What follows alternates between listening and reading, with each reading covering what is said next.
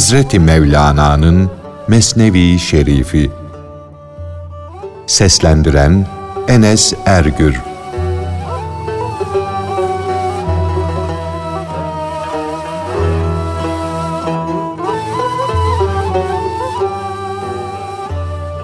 Mesnevi'nin yazılmasının bir müddet gecikmesi.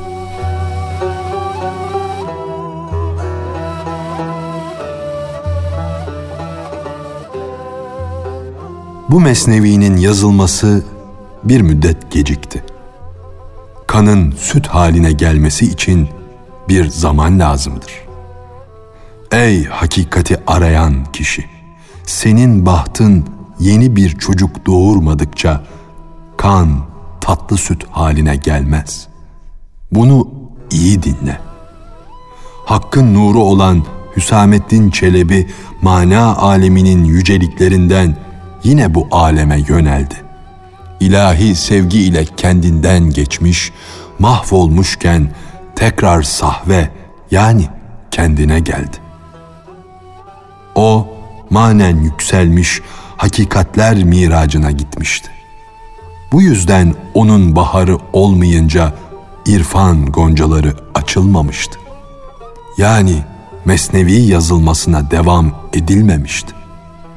Hüsameddin Çelebi vahdet denizinden kesret kıyısına dönünce Mesnevi şiirinin çengi de yeniden düzene girdi, çalışmaya başladı.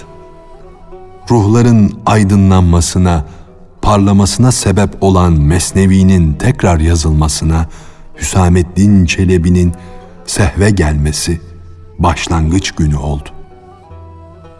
Bu manevi alışverişin, bu kar edişin başlangıcı hicretin 662. yılında idi.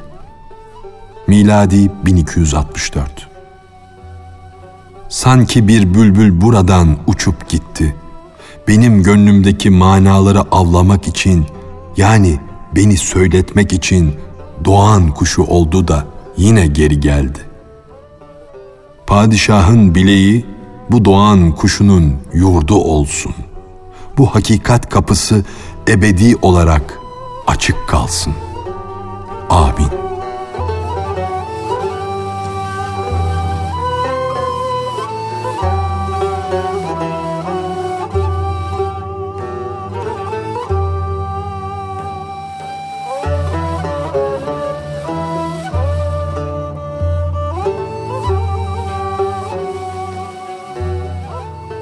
Hazreti Adem'in dünyaya sürgün edilmesi.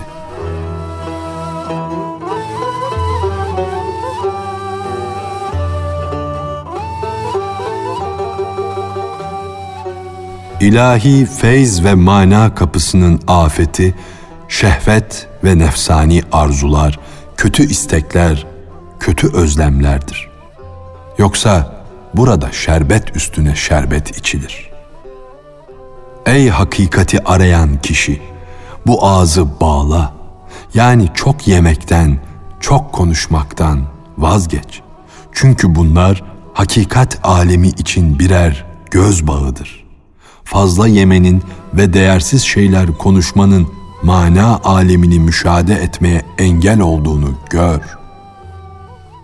Ey ağız! Sen aslında cehennemin bir alevisin. Ey dünya! Sen de bir berzaha benziyorsun. Ebedi sonsuz nur bu fani, bu değersiz dünyanın ötesindedir. Saf süt, mana sütü, kan ırmaklarının dünyaya ait nefsani duygularımızın öte yanındadır. Ey hak yolunun yolcusu, eğer ihtiyatsız olarak kan yani nefsaniyet tarafına bir adım atacak olursan, senin mana sütün kanla karışır, bulanır, kan olur gider.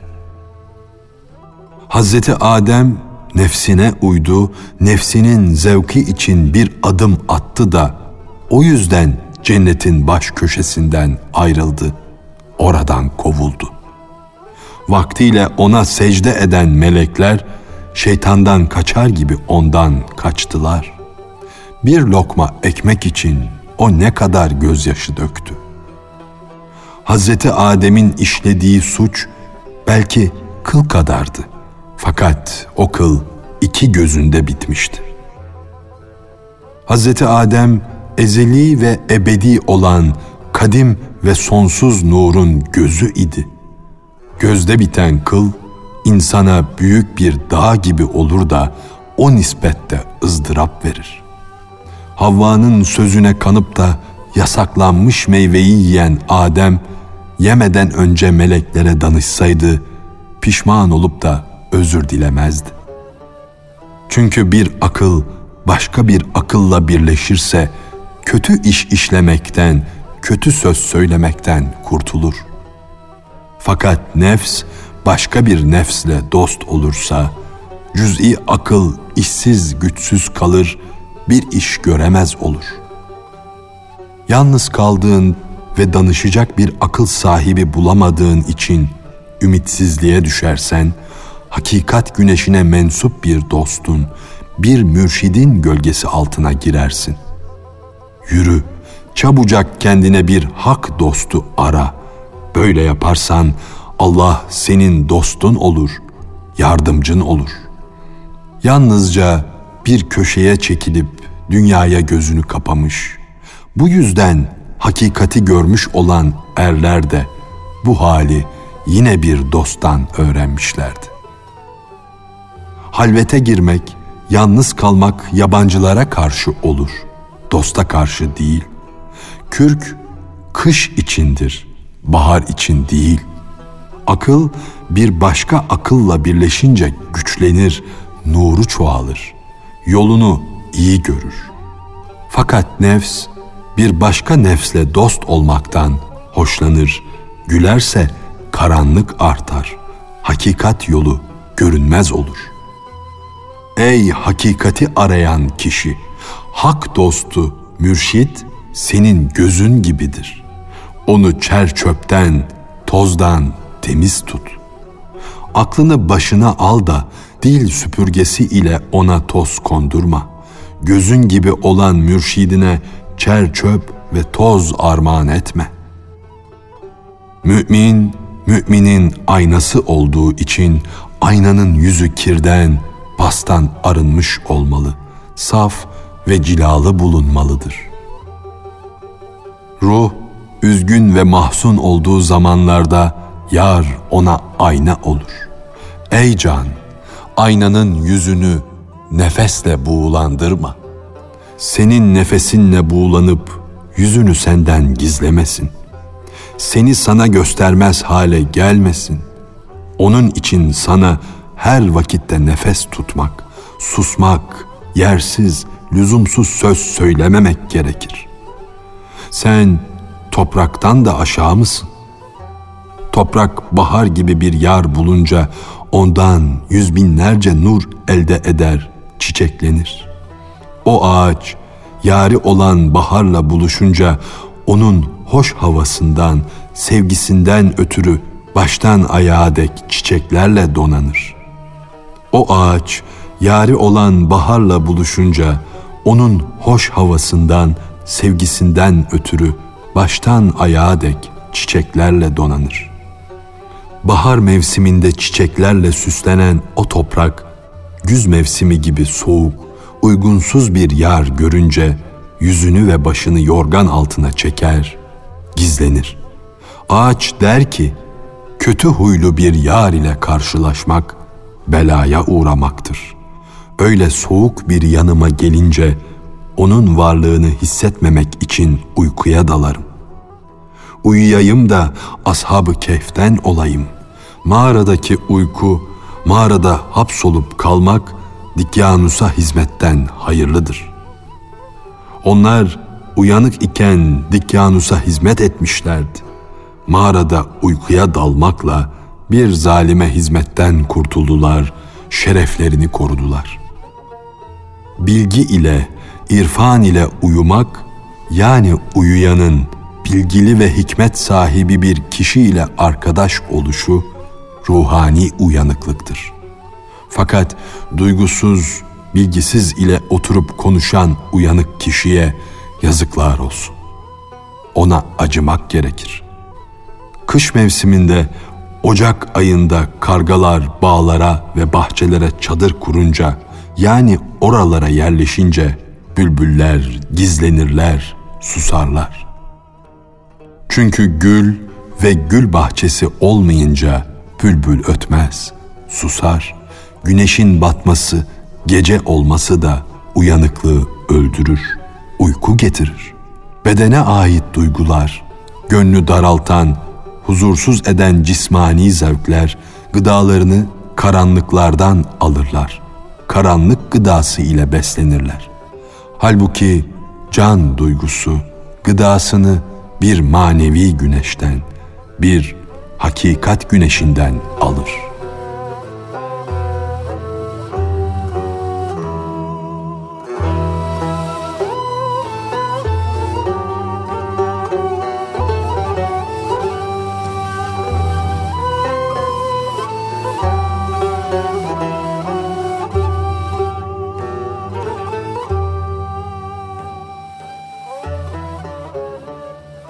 Marifet Güneşi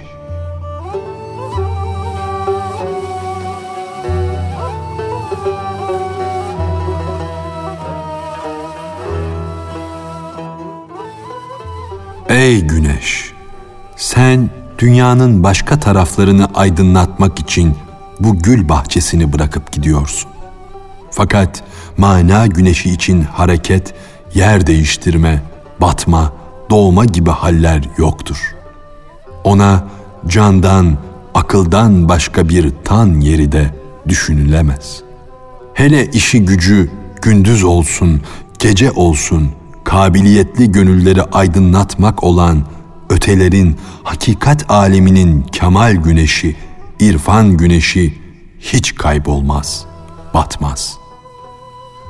Ey hakikati arayan kişi! Eğer sen bir İskender isen, hakikat güneşinin doğduğu yere gel. Bir arife yaklaş, ondan nur al. Sonra nereye gidersen git. Artık sen bir ışıksın, bir nursun. Ondan sonra nereye gidersen git, orası doğu olur. Hatta doğular bile senin batına aşık olur yarasaya benzeyen zahiri duygun güneşin battığı ışıksız yöne doğru koşmada, inciler saçan batini duygun ise doğuya, güneşe doğru gitmededir. Bedene ait duygu yolu, şehvet yolu, eşeklerin yoludur. Ey aşağı duyguların bineğine binmiş ve eşekler arasına katılmış kişi, insanlığından utan.'' Senin bildiğin beş duygudan başka beş duygu daha vardır ki o duygular kırmızı altına benzer. Bu duygular ise bakır gibidir. Mahşer ehlinin pazarında bakır duyguları altın duygular yerine satın alırlar mı? Bakır duygular zahiri, nefsani duygularımızın altın duygularda batıni, manevi duygularımızın sembolüdür.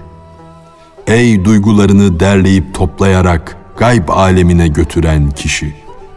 Sen de Hz. Musa gibi düşünce elini gönlünün cebinden çıkar da etrafa hakikat nuru saç. Ey sıfatları ilahi bilginin güneşi olan Arif! Göklerdeki güneşin bir sıfatı var.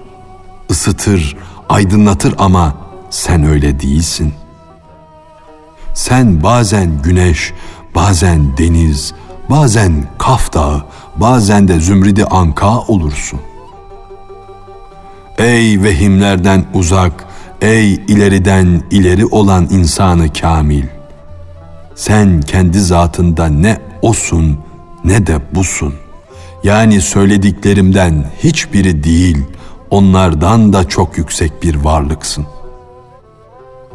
Ruh bilgi ile, akıl ile dosttur.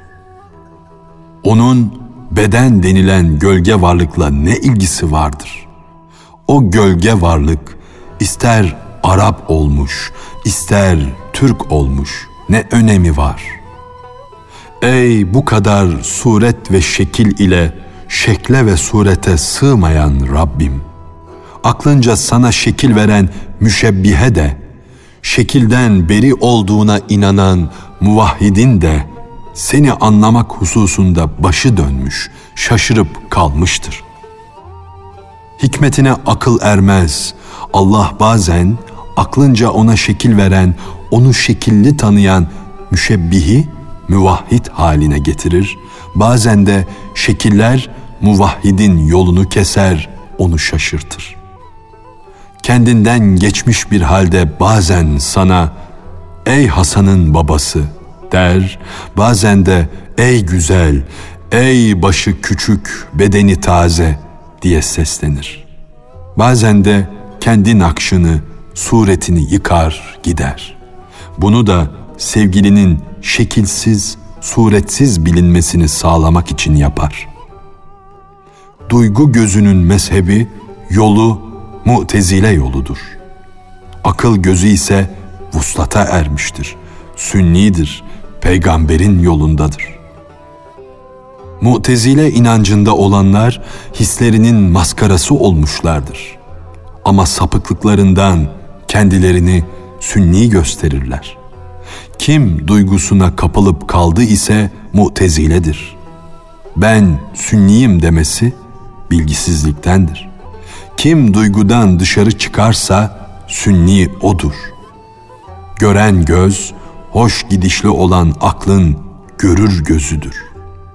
Hayvanın gözü padişahı görebilseydi, öküz de, eşek de Allah'ı görürdü. Sende hayvanlarda da bulunan nefsani duygulardan başka bir duygu olmasaydı, Adem oğulları nasıl olur da yücelirlerdi, mükerrem sayılırlardı. İnsan hayvanla ortak duyguları paylaştığı halde nasıl olurdu da ilahi sırlara mahrem olurdu? Sen şekilden, suretten kurtulmadıkça Allah'a şekle sığar yahut şekle sığmaz demen yersizdir, boştur.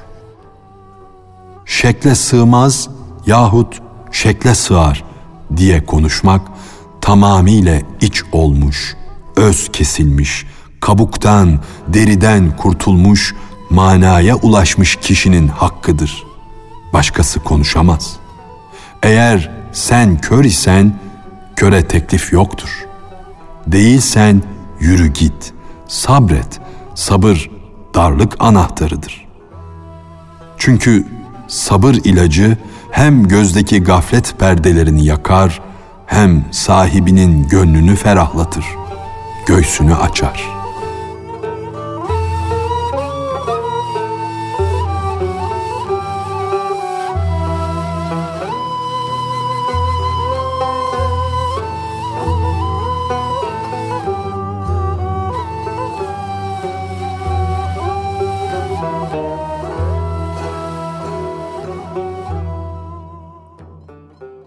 Gönül aynası.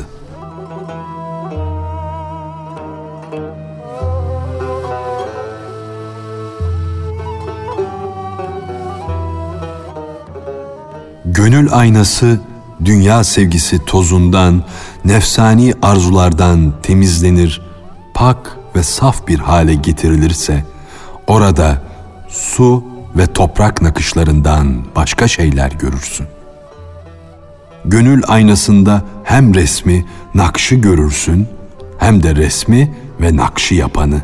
Hem devlet, saadet yaygısı seyredersin, hem de onu yayanı ve döşeyeni. Benim manevi yarim olan kamil insanın hayali, bana Halil İbrahim aleyhisselam gibi göründü. Aslında o, görünüşte puttur, maddi varlıktır hakikatte ise put kırandır. Allah'a şükürler olsun ki kamil insan göründü de can onun hayalinde kendi hayalini gördü. Ey kamil insan, dergahının toprağı gönlümü büyüledi. Senin hakikatini, manevi gücünü göremeyenin, sana karşı büyüklük taslayanın toprak başına olsun. Kendi kendime dedim ki, eğer ben güzel isem, benim güzelliğim ondan, onun lütfundandır. Güzel değilsem, zaten çirkinler bile bana gülerler. Bunun çaresi kendime bakmamdır. Ona layık değilsem, ben seni hiç alır mıyım diye bana güler. O güzeldir, güzelliği sever. Genç bir delikanlı, eli ayağı tutmaz, bunamış bir ihtiyar kadını seçer, alır mı? Güzel, güzeli cezbeder, çeker, alır. Bunu bil de doğruluğunu anlaman için temizler, temizlerindir ayetini oku. Dünyada her şey kendi cinsi olan şeyi çeker. Sıcak sıcağı çeker, soğuk da soğuğu. Aslı olmayan batıllar batıllardan, bakiler yani hak yolunda olanlar da bakilerden hoşlanır. Cehennemlikler cehennemlikleri seçer. Nurlu kişiler de cennetlikleri isterler. Gözünü kapayınca nuru göremez olursun da içine bir huzursuzluk çöker, canın sıkılır. Göz güneşin nurundan ayrı düşmeye nasıl sabreder? Gözünü yumunca canın kopuyormuş gibi bir ızdıraba düşersin. Gözün gündüzün nurundan ayrılmaya sabrı yoktur. Senin üzüntün, sıkıntın, gündüz nuruna çabucak kavuşmak isteyen göz nurunun özleminden ileri gelir. Gözün açık iken içine bir üzüntü çökerse, üzülür, perişan olursan bilmiş ol ki gönül gözün kapalıdır. Onu aç ki gamdan, elemden kurtulasın. Çektiğin sıkıntıyı, ızdırabı, gönlünün iki gözünün de kapalı olduğundan bil. Çünkü gönül gözü kıyasa sığmaz sonsuz nur aramaktadır. Sen iki baş gözünü kapayınca az bir zaman için nurdan ayrı düştüğüne üzülüyorsun da bu yüzden hemen gözlerini açıyorsun. O sonsuz olan gönül gözünün iki nurundan, akıl ve basiret nurundan mahrum kalmak da seni perişan etmededir.'' kendine gel de onları koru. Gönlüme hakkın bir cezbesi düştü. Beni çağırıyor. Ben de kendime bakayım. Onun tarafından cezbedilmeye layık mıyım yoksa bet suratlı, çirkin biri miyim? Çünkü bir güzel bir çirkini peşine düşürürse onunla alay ediyor demektir. Acaba kendi yüzümü nasıl görebilirim? Ne renkteyim? Gündüz gibi miyim yoksa gece gibi mi? Kendi ruhumun nakşını, resmini bir hayli zamandır aradım, durdum. Fakat o nakşı, o resmi hiç kimsede göremedim. Sonunda kendi kendime dedim ki, ayna ne içindir, neye yarar? İnsan kendini görsün, bilsin diye icat edilmemiş midir? Demiri cilalayarak yaptıkları aynalar görünen yüzleri görmek içindir. Can yüzünü gösteren aynanın değeri ise çok pahalıdır. Bizim can aynamız ancak sevgilinin yüzüdür. O sevgili o diyardan, hakikat aleminden olan sevgilidir. Gönle dedim ki, Ey gönül! Sen küllü gösteren bir ayna ara. Yani sana Cenabı Hakk'ı düşündüren, içine her şeyi aksettiren, sonsuz bir deniz gibi olan kamil insana git. Dereden fayda olmaz. Senin gözün gönlüme göz olunca bu görmeyen gönül göz kesildi. Gözün ta kendisi oldu seni ebedi ve külli bir ayna olarak gördüm. Senin yüzünde ben kendimi, gerçek varlığımı müşahede ettim. Sonunda o kamil insanın iki gözünde parlak bir yol gördüm ve o yola düşerek orada kendimi buldum dedim. Vehmim dedi ki kendine gel o senin gördüğün hayalindir. Aklını başına al da kendini hayalinden ayırt et. Benim nakşım, hayalim senin gözünden seslendi de dedi ki, zaten biz birlikteyiz, ayrı değiliz. Aramızda birlik vardır.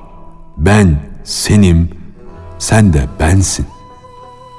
Kamil insanın bu nurlu ve ölümsüz gözünde bunca gerçekler dururken hayal nasıl olur da vehim tesiri ile bu göze yol bulabilir?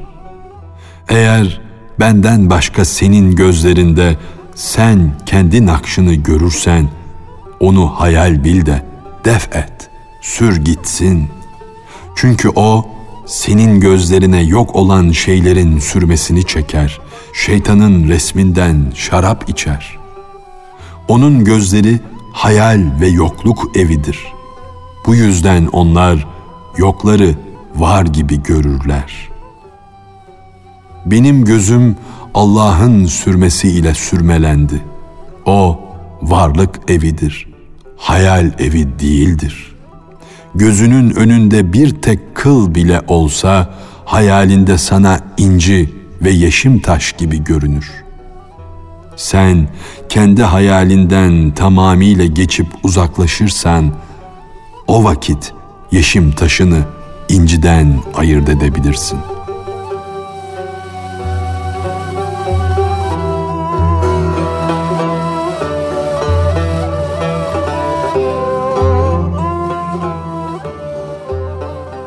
Hazreti Mevlana'nın Mesnevi Şerifi. Seslendiren Enes Ergür